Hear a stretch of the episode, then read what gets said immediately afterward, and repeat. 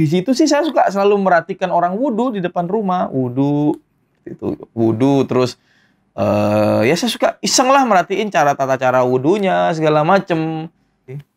Islam bukan teroris coy. Kalau Islam teroris wah saya nggak masuk Islam, nggak mungkin. Kamu kok nggak pernah sholat Jumat? Jadi saya bilang Pak minta maaf Pak saya Katolik. Oh Katolik. Oh iya iya iya maaf maaf maaf saya pergi dulu ya. Ya pergi. Ah, lu punya anak, anak lu pindah agama. Gimana perasaannya? Gimana mas? Mudah-mudahan diangkat sama beliau. Mudah-mudahan diangkat. Kalau nggak diangkat ya berarti lagi sibuk. Ibu- Eh, mama saya tuh bikin kue biasanya, bikin kue gitu. Eh nggak diangkat kayaknya lagi. Oh angkat, halo. Ya ma. Halo? Halo.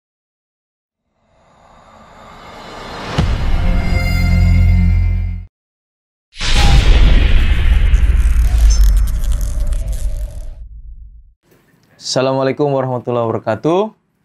Nama saya Jeffrey Gunawan. Saya seorang muslim. Dulunya saya Katolik. Saya besar di keluarga Katolik yang taat alhamdulillah. Eh, jenjang sekolah saya SD, saya masuk di sekolah Katolik di Surabaya kelas 1 sampai kelas 6. Sorry, dari TK dulu ya. TK itu TK Katolik eh, namanya Santo Carolus dari TK sampai SD kelas 6. Terus kelas 1 SMP saya masih lanjut di sekolah itu, sekolah Katolik itu. Eh, kelas 2 SMP saya pindah ke NTT. Saya ikut Om. Kebetulan adik mama saya di NTT, tepatnya di WK Bubak, Sumba Barat, Nusa Tenggara Timur. Saya masuk di SMP Stella Maris.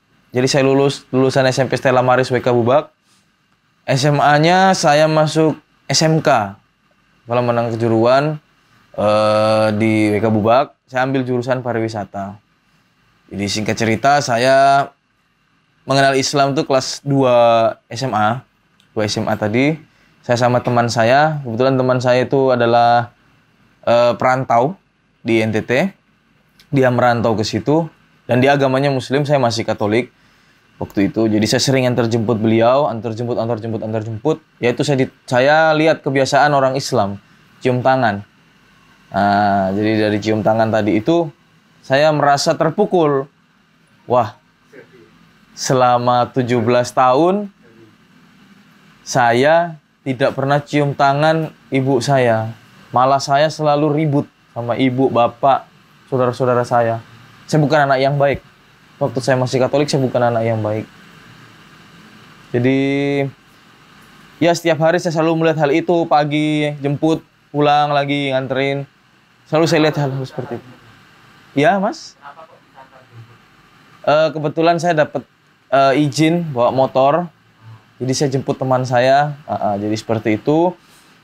Eh, ibunya pedagang. Ibunya pedagang, seorang pedagang makanan. Bapaknya sopir. Rujak cingur, soto ayam. Iya, di pinggir jalan depan asrama tentara di NTT waktu itu. Nggak tahu sekarang udah di mana saya. Ah, ah, jadi eh, saya selalu setiap pulang sekolah itu ditawarin makan. Le, ayo makan. Waduh bu, nggak usah bu, pulang ke rumah aja. Wis ora apa-apa, nggak apa-apa. Awakmu wis tanggep anak dewe, kamu udah tanggep anak sendiri. Nah, bahasa-bahasa seperti itu yang buat saya, ya Allah. Saudara juga bukan, tapi ramah, menunjukkan akhlak yang baik, benar-benar kita, saya tersentuh sekali. Akhirnya, singkat cerita waktu itu saya aktif di gereja. Di WK Bubak tadi, saya aktif di gereja. Eh, saya di hire sama teman-teman dari gereja Kristen Protestan WK Bubak. Heeh, jadi saya di hire sama mereka untuk jadi drummer. Heeh, saya pemain musik gereja. Waktu itu eh kita seringlah dipakai untuk acara kawinan, pentas seni sampai lintas ke beda provinsi. Sorry, kabupaten kayak gitu. Heeh.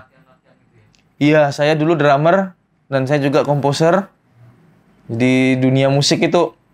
Ya bisa dilihat lah nanti kalau ketemu saya gitu, tato saya semuanya bahasnya tentang musik. Tato saya musik semua di badan, musik semua. Jadi kayak gini nih. Aduh, afwan nih. Ah, ini ada mic, ada stick drum, ini ada dulu waktu itu ada artinya sih. Ada musik-musik gitu, ada nada nada nada tangga. ya ini bukan sesuatu yang dibanggain ya, jangan dicontoh nih. Nih yang muslim ataupun yang eh, yang khususnya muslim lah. Yang muslim atau muslimah itu yang mau rencana bikin tato jangan. Kalau bisa nggak usah. Janganlah. Misal juga sih.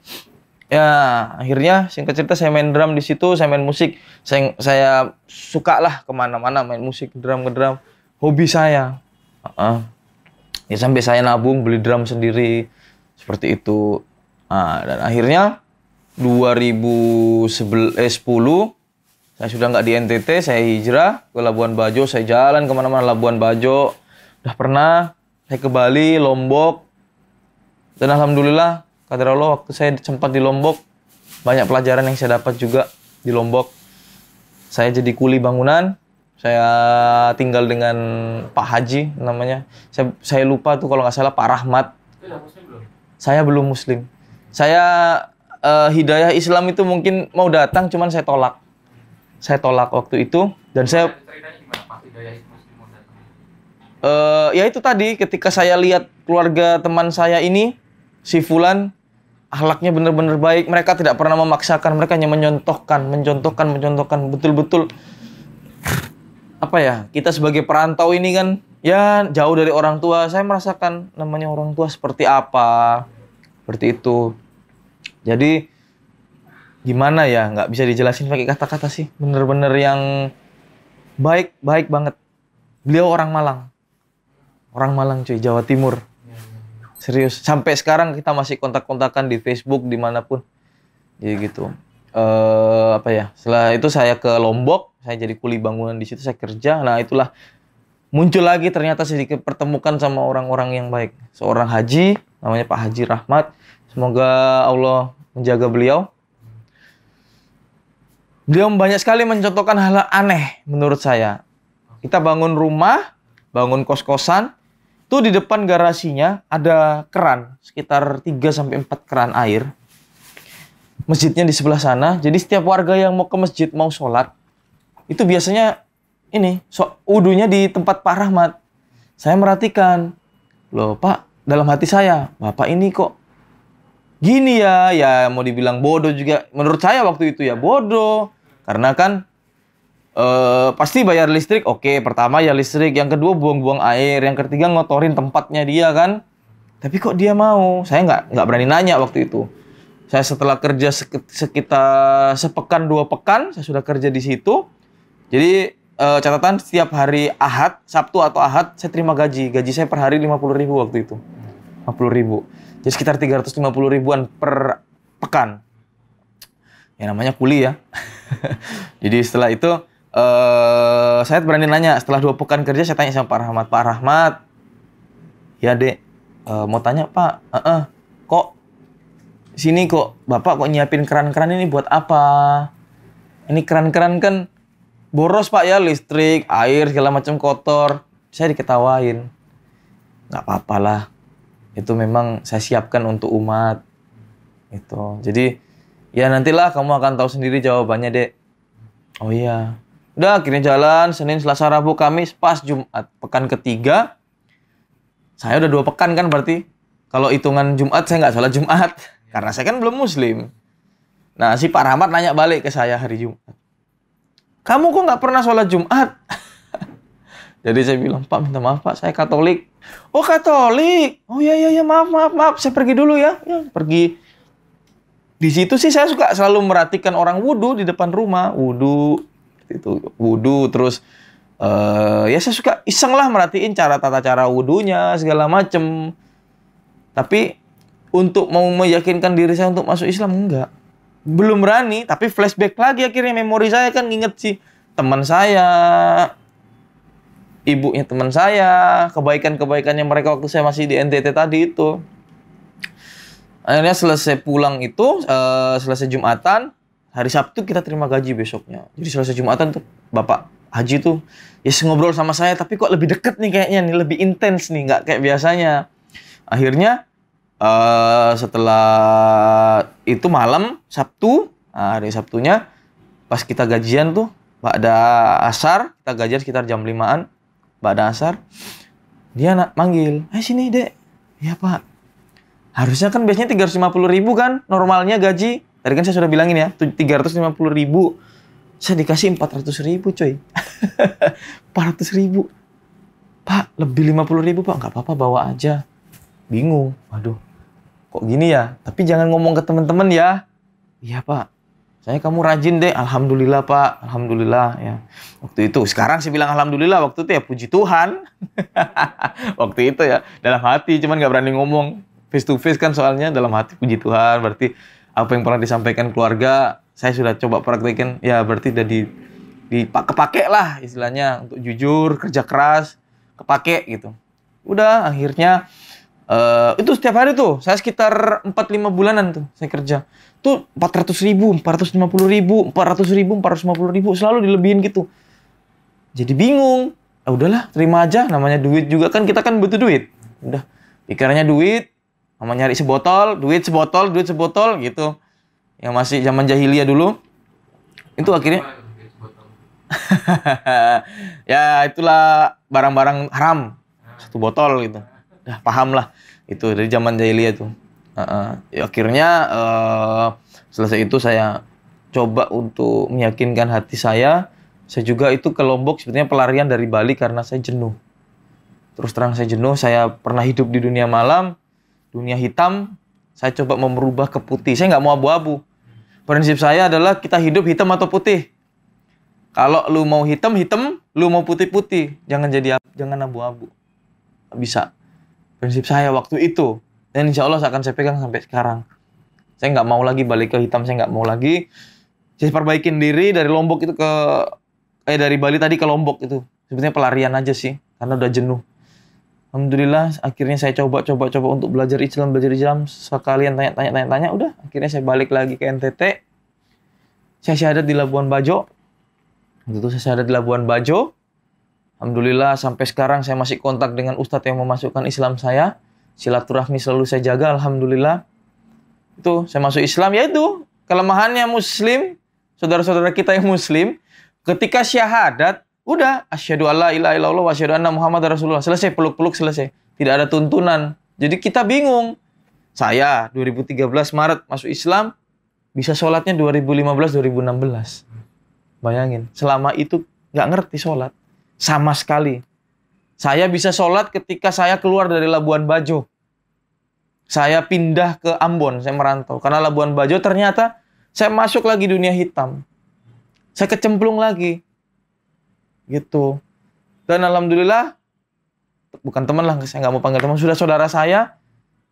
Beliau salah satu mantan kepala tukang saya waktu di Labuan Bajo beliau cuma bilang saya nggak bisa kasih modal bro. Iya. Nih lu mau merantau kan? Iya. Dikasih kitab kuning tuntunan sholat yang cetakan Surabaya kalau nggak salah. Saya lupa cetakan buku kuning kecil gitu. Di situ ada tuntunan sholat. Awal itu modal saya pegangan itu. Sebelum saya uh, hijrah ke Ambon saya bawa itu. Singkat cerita saya di Ambon saya dapat musibah banyak lah cobaan dari Allah dan memang saya minta sama Allah ya Allah uji iman saya. Kalau memang saya adalah seorang muslim yang baik pasti akan diuji. Sama seperti waktu saya Katolik dulu saya selalu diuji saya selalu minta. Tapi ternyata ujiannya waktu saya dulu beda dengan yang waktu saya Islam. Ujian waktu saya masuk Islam adalah banyak sekali. Mulai dari saya dapat fitnah dari keluarga saya, terutama dari om saya. Saya berani cerita seperti ini, saya nggak takut. Alhamdulillah, om saya fitnah saya di keluarga besar saya. Saya dituduh bawa lari uang sekitar ratusan juta. Ya, semoga Allah mengampuni beliau. Yang kedua, saya betul-betul difitnah habis-habisan. Saya saya dikucilkan dari lingkungan keluarga, lingkungan sahabat-sahabat saya teman-teman sahabat-sahabat saya, sohib-sohib saya yang waktu di Surabaya itu, sahabat-sahabat kecil saya, alhamdulillah. Dan semua surat-surat saya, ijazah-ijazah saya tidak dikasih sama sekali. Demi Allah, ibu saya masih hidup, saya terbuka, siapa pun mau nanya saya, saya berani. Jadi di situ saya belajar arti kesendirian dan saya cuma bergantung sama Allah. Uh, di Ambon saya gembel di depan Masjid Al-Fatah terasnya Masjid Al-Fatah, Masjid Raya Al-Fatah Ambon yang pernah ke Ambon pasti tahu. Dan pasti mungkin yang serajin sholat di situ pernah lihat saya tahun sekitar 2015 15 pertengahan pasti pernah lihat saya. Kalau rajin sholat di situ pasti pernah lihat karena saya sekitar kurang lebih seminggu sampai dua minggu tidur di situ. Saya minum dari air wudhu. Kenapa gitu? Karena modal yang saya bawa saya dicopet. Bukan dicopet sih, sorry. Disilet tasnya. Gitu mas. Cok, disilet. Hilang semua duit-duit saya. Cuma ada handphone di sini sama duit sisa 75 ribu. Karena waktu itu saya cuma cabut 100 ribu. Total duit yang hilang kurang lebih sekitar 4, 4 juta lebih. 4 juta 800, 4 juta 900. Karena saya bisa dapat duit itu waktu di Flores, di Labuan Bajo tadi saya jualin perabot-perabotan saya di kos-kosan. Mulai dari TV, sound system, alat karaoke karena hobi nyanyi waktu itu ya. Itu saya jualin semua. Itu cuma, jual murah sekitar 5 jutaan waktu itu. Jadi duit sisa sekitar 4 juta 800 karena beli tiket tilong, uang makan, uang apa segala macam lah kayak gitu. Di pakai kapal waktu itu saya. Akhirnya di situ saya bingung, saya telepon mama saya, "Ma, Jeffrey habis dicopet lo gini gini gini segala macam. Mama mau ngirimin duit, cuman bingung mau pakai rekeningnya siapa. Saya juga bingung mau pakai rekening siapa, nggak ada kenal orang, jangan sampai ngirim duit dibilang uangnya nggak masuk kan. Ya udah lama biarin doain Jeffrey ya, Ma. Mama saya nangis, ngotot mau nyuruh pulang. Alhamdulillah saya coba survive, saya coba survive sendiri. Saya jalan kiri kanan, pokoknya jalan aja. Nggak tahu tuh Ambon tuh ternyata bekas tempat kerusuhan agama. Saya juga di Ambon sempet waktu itu tidur ketemu sama temen yang dia pernah jadi ABK kapal. Halo Om, kalau lihat video saya Om ya, Alhamdulillah Om pernah usir saya. Alhamdulillah. Dia seorang Kristen. Dia saya kontak beliau waktu itu ke Ambon. Saya kontak beliau, uh, apa ya? Saya nggak bisa nyalain beliau juga sih.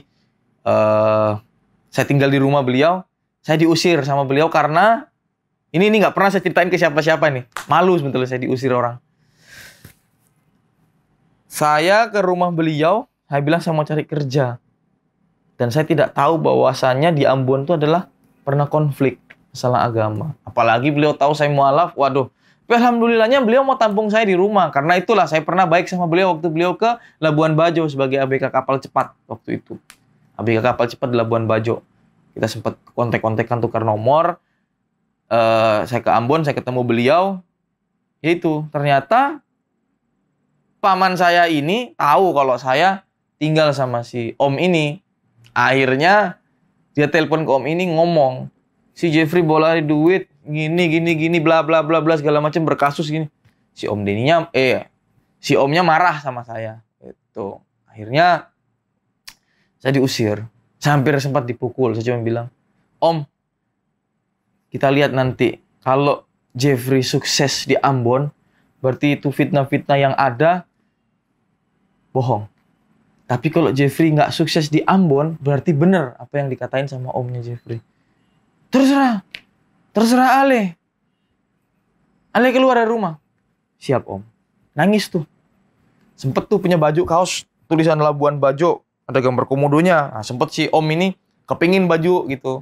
Udah pas diusir tuh saya buka baju. Saya lipat, saya taruh di tempat tidur. Saya tulisin surat. Om, terima kasih banyak. Serius nih, ini nggak bohong. Om, terima kasih banyak sudah mau nampung Jeffrey selama tiga hari. Terima kasih Om. Nanti kalau Jeffrey sukses, Jeffrey balik lagi jangan diusir ya Om. Gitu. Jadi udah singkat cerita saya keluar dari situ. Nah di situlah perjalanannya dimulai. Tadi yang saya bilang sampai dicopet. Saya sempat ke penginapan. Penginapannya penginapan rezeki. Orang Ambon yang nonton, cross semua, isi di komen. Kalau saya bohong, penginapan rezeki. Saya masih ketemu sama pemiliknya, pemiliknya masih bantuin saya. Pemiliknya namanya Mas Hendra. Mas Hendra, pemilik penginapan rezeki di Ambon. Mengurusnya lah kayak gitu. Saya kenalnya ternyata setelah saya lama di Ambon ternyata dia hobi badminton juga. Saya main nah saya baru tahu oh ternyata dia pengurusnya gitu. Tapi sempat dia layanin saya Mas Indra namanya. Alhamdulillah Mas Indra dia sempat bantuin saya sempat kamar tidur saya. Satu hari nggak bisa bayar karena dia tahu saya habis di jambret jadi sempat saya dua malam saya tidur di penginapan rezeki itu. Malam pertama saya masih bayar malam kedua saya nggak bayar. Karena masih saya cerita sama Mas Indra oh ya udah. Tapi habis itu malam kedua saya disuruh keluar Nah, saya jalan kaki, jalan kaki. Nah, dari penginapan rezeki tadi itu dekat sama Masjid Al-Fatah Ambon tuh dekat. Tinggal jalan kaki deket pelabuhan juga. Deket. Udah, jadi jalan kaki. Masya Allahnya itu ternyata kubah yang kubah masjidnya Masjid Raya Ambon itu Al-Fatah udah pernah saya dapat mimpi sebelum saya ke Ambon. Saya memang niat hijrah waktu dari Labuan Bajo, saya cuma belajar sholat tahajud. Tok. Karena di buku itu kan dijelaskan sholat tahajud. Om kepingin apa, mau apa tuh ada di tahajud tuh. Di buku kuning tadi tuh. Saya cuma belajar tahajud tok. Saya belum sholat fardu.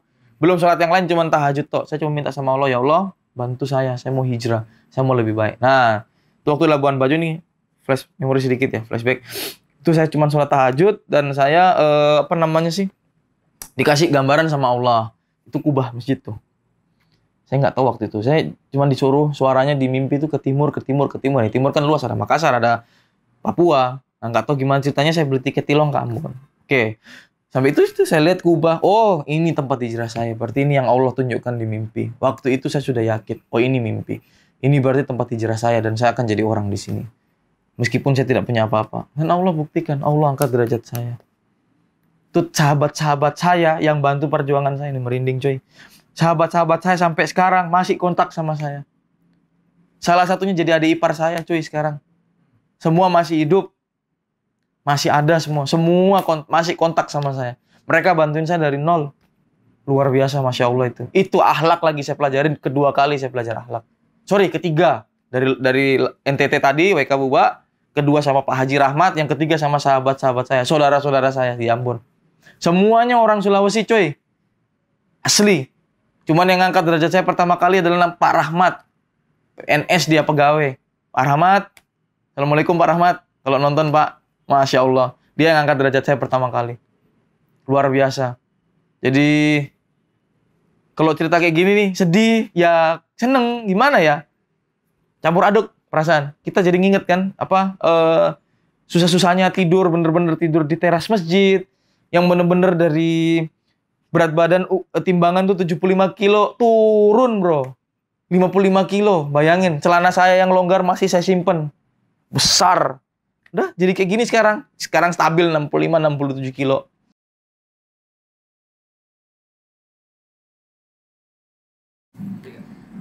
Uh, jadi singkat ceritanya ya banyak hal yang saya bisa dapat saya diangkat derajat oleh si Pak Rahmat tadi. Saya disuruh diajak cari kos-kosan waktu itu. Di depan masjid raya itu ada satu rumah makan catering. Boleh tanya ibunya itu orang Madura orang Jawa. Suaminya itu orang Sulawesi. Ya Pak Rahmat itu kenal sama bapaknya sama ibunya yang punya warung. Dibilangin Pak Bu ini ada nih cari kerjaan mualaf. Wah mau saya mau mau mau sini. Bisanya apa Ya masa bisa bu? Ah nggak perlu tukang masak saya. Mau bantu kan? Iya. Ya udah. Terus tinggalnya di mana Pak Rahmat? Belum tahu bu. Ah, masih ada kos kosan. Ah saya punya kos kosan tuh di belakang. Kadar Allah. Akhirnya saya tinggal juga di kos kosan itu. Kerjanya di bawah. Dari yang tidak pernah makan cuy. Tidur di emperan masjid. Dapat kasur. Tidur di atas kasur nih yang pertama nih. Atas kasur yang kedua makan tuh satu kali 24 jam bebas nyendok sendiri. Dari yang nggak makan, cuman satu, cuman minum air. Duit sih puluh lima ribu tok di dompet. Eh, di sorry bukan dompet di saku celana tujuh puluh lima ribu. Nggak berani makan. Tapi ternyata apa? Kita yakin sama Allah. Ah cerita lo dongeng, tanya lah lu ke Ambon. Yang bilangin cerita saya dongeng ke Ambon. Silakan cari saya. Tuh rumah makan Warung Munir namanya. Cross check semua Warung Munir. Nanya Jeffrey pernah kerja di situ nggak? Mengangkat-angkat catering. Kita kalau catering itu ada acara kita angkat-angkat meja, angkat piring, atur-atur setting-setting meja seperti itu. Jadi setelah itu saya tinggal di kosis seperti biasa kerja sekitar setahun pindah kira pindah pindah pindah pindah sampai saya masuk di satu perusahaan saya nggak perlu sebut namanya saya punya jabatan di situ uh, semua karena Allah semua karena Allah Uh, tapi itu, ketika saya sudah dapat dunia, Allah memberikan saya posisi, Allah memberikan saya dunia, saya tinggalkan Allah. Saya nggak sholat. Hilang sholat saya, coy. Hilang. Asli. Nggak sholat. Kos-kosan saya deket Masjid Al-Fatah. Saya nggak pernah sholat.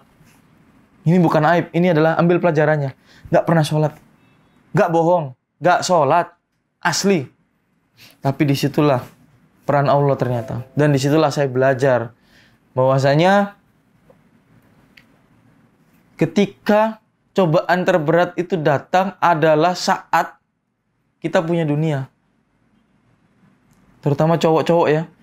Kalau cowok-cowok masih muda, punya duit, punya mobil dinas, segala macem, tidak dekat sama Allah. Itu, itu bahaya bro, bahaya. Dan saya tahunya bahaya itu ketika saya ikut taklim. Itu pun iseng. Semua dimulai iseng. Saat Isya, aduh dengar azan nih, Isya. Wah iseng lah ke masjid. Wah iseng, dah. Wudhu segala macam jalan ke masjid jalan kaki.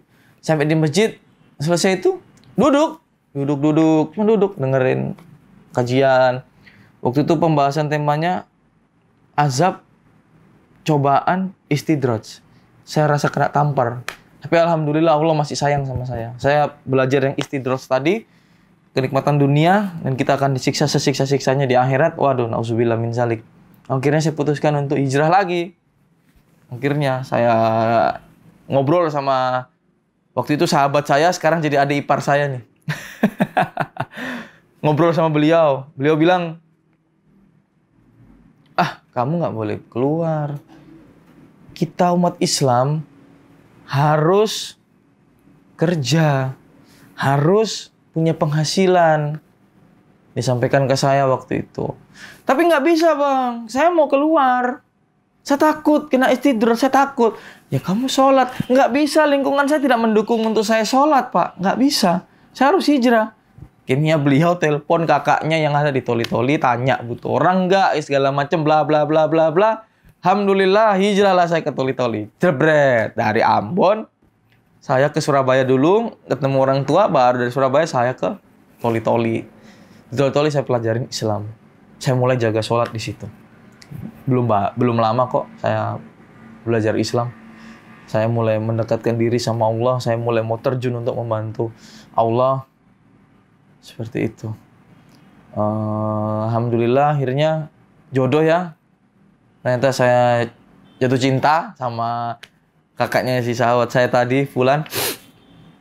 Udah, saya lamar, saya nikah kemarin, barusan nikah. Agustus 2018 kemarin. Kadar Allahnya lagi, sebulan kemudian dapat gempa. Rumah saya kebetulan di Petobo, di Palu. Uh, jaraknya kurang lebih sekitar 2 km. Ya itulah, dinikmatin. Saya saya nikmatin semua proses yang Allah kasihkan ke saya, saya nikmatin. Saya nggak pernah berprasangka buruk sama Allah karena Allah tuh ya seperti prasangka hambanya. Antum antuna semua kalau berprasangka buruk sama Allah, ya Allah akan kasihkan keburukan.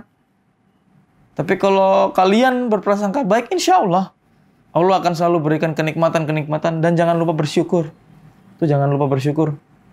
Apa pun itu selalu lihat ke bawah, lihat ke bawah terus. Supaya apa? Kita selalu bersyukur harus selalu lihat ke bawah. Masih banyak orang lebih susah dari kita, bro. Banyak banget. Tapi jangan lupa untuk selalu berusaha. Jangan selalu menggampangkan, ya Allah, ya Allah, saya mau ini, saya mau ini, saya mau ini, tapi kita tidak pernah berusaha. Wah, nggak bisa, bro. Jangan, Islam tidak pernah mengajarkan umatnya untuk selalu tangannya di bawah. Islam selalu mengajarkan umatnya tangannya di atas, yaitu bersedekah. Meskipun kita susah. Belajar. Mulai sekarang yang muda, yang tua, siapa pun itu. Ayo, peduli sama umat. Lihat sekeliling kita, lihat tetangga kita. Ayo, perhatikan. Prioritaskan yang muslim. Supaya jangan diambil sama orang lain. Ayo, kita rangkul mereka. Kita dekatin mereka. Itu bukan tugas ormas, bro. Bukan tugasnya organisasi-organisasi Islam. Bukan. Tugasnya kita sebagai muslim. Standar itu, paling standar. Lihatlah mereka. Rangkul bantuin apa yang kita bisa bantu kita bantu nggak bisa bantu duit tenaga tenaga nggak bisa pikiran pikiran nggak bisa udah doain selemah lemahnya iman Insya Allah apa pun itu yang kita lakukan niatkan karena Allah. Saya sampai hari ini semua karena Allah bukan karena diri saya. Saya nggak punya apa-apa cuy. Saya nggak bisa apa-apa juga. Saya cuma punya keterampilan apa yang saya bisa lakukan saya punya pikiran saya punya akal saya punya mimpi-mimpi besar. Saya lakukan seperti itu. Alhamdulillah sama keluarga uh, enggak sih baik kok, enggak enggak ada masalah. Alhamdulillah cuman bapak sih yang agak streng ya. Bapak agak keras. Ya standar lah basic kita yes, nggak diajak bicara segala macam tuh basic lah. Orang tua saya baik kok. Alhamdulillah sampai sekarang. Dan mereka uh, mereka lebih senang sayang sekarang sih daripada sayang dulu. Alhamdulillah Berarti Islam ketika kita belajar Islam harusnya bisa membuat diri kita menjadi lebih baik. Harusnya ya. Jadi jangan sampai orang luar ah Islam teroris. Oh enggak, Bro. Sorry, Bro. Sorry. Islam bukan teroris, coy. Kalau Islam teroris, wah saya nggak masuk Islam. Nggak mungkin. Wah bohong, cerita bohong. Ya udah, tabayun lu komen situ, ntar saya jawab. Tuh. Jadi nggak usahlah kita mau berspekulasi-spekulasi Islam itu seperti ini, Islam seperti yang Islam pun aja nuduh Islam sesat. Gimana ceritanya? kan nggak lucu kan? Ya kalau agama lain bilang Islam teroris apa ya oke nggak ada masalah. Nah ini Islam sendiri. Lu dari lahir bro. Lu lihat yang jenggotan gini lu bilang teroris. Wah minta maaf bro. gue jenggotan cuy. Tapi gue bukan teroris. Gitu. Nah itu cuman kelakar ya. Tapi ya mudah-mudahan sih bisa jadi ini. Bisa kalian bisa belajar lah. Islam yang bener tuh gimana. Nih saya coba nih telepon saya buktikan ya. Kalau saya sama ibu saya nggak bermasalah. Nih. Saya coba video call. Ntar. Mudah-mudahan diangkat sama beliau. Mudah-mudahan diangkat. Kalau nggak diangkat ya berarti lagi sibuk. Eh, mama saya tuh bikin kue biasanya, bikin kue gitu. Eh nggak diangkat kayaknya lagi. Oh angkat. Halo. Ya ma. Halo. Halo. Ya lagi apa ma? Wah matiin jaringan tuh. Nah, nih saya buktikan nih. Bukan cuma cerita udah baik, udah baik kamu orang tua, enggak. Nih nih kita ngobrol lagi nih. Ah ini mama. Halo. Halo ma. Halo, kok dibalik ma? Gimana di rumah? Eh, semua balik. Kebalik kameranya ma? Ya. Belum masih di hotel. Sekarang nggak balik, nggak? Belum. Ya, ya, ya. Mm-mm. Sebentar lagi pulang. Sebentar lagi Jeffrey balik. Apa? Sebentar lagi Jeffrey balik Palu. Iya. Apa? Kenapa? Sebentar lagi. Oh jelek sinyalnya. Ya udah. Ya wis. Iya. Ya wis. Udah, mau pulang. Mau Iya. Palu. Iya. ke Palu. Iya mau ke Palu. Ya. Sekarang. Ya sebentar lagi tunggu jemputan mah. Ah, Ya. iya, iya, iya. Ya. Ya wis ya. Oh, jemputan sendiri sama teman. Sama tim, sama teman-teman, sama teman-teman, sama teman-teman. Oh. Ya. Nanti sampai Palu, nanu kabarin ya. Ya. Udah sampai kabarin ya. Siap, siap salah bos. Ya. ah. ya. Dadah. Ya. Ah. Ya. Sipit ya bro. Dah? Oke? Ah, ini buktikan. Kita masuk Islam harus bisa lebih dekat, kita harus bisa ngasih akhlak yang baik. Akhirnya orang tua tuh. Lihat. Orang tua mana sih yang nggak kecewa anaknya pindah agama, bro? Gak mungkin, bohong. Pasti stres, pasti kecewa. Baliklah lu punya anak, anak lu pindah agama. Gimana perasaannya? Gimana, Mas? Ya harus Islam di semua agama. Nah, iya. Iya kan? Ya itu kita tunjukkan bahwa Islam itu rahmatan lil alamin untuk semua. Saya buktikan, saya bukan cuman oh teorinya belajarnya seperti ini ahlak ke orang tua. Tapi nggak bisa komunikasi sama orang tua ya berarti ada kekeliruan di situ, ada miss tuh, ada yang skip mungkin waktu belajar. Ayo, belajar yang benar. Ayo. Oke, sekarang pesan-pesan untuk mualaf.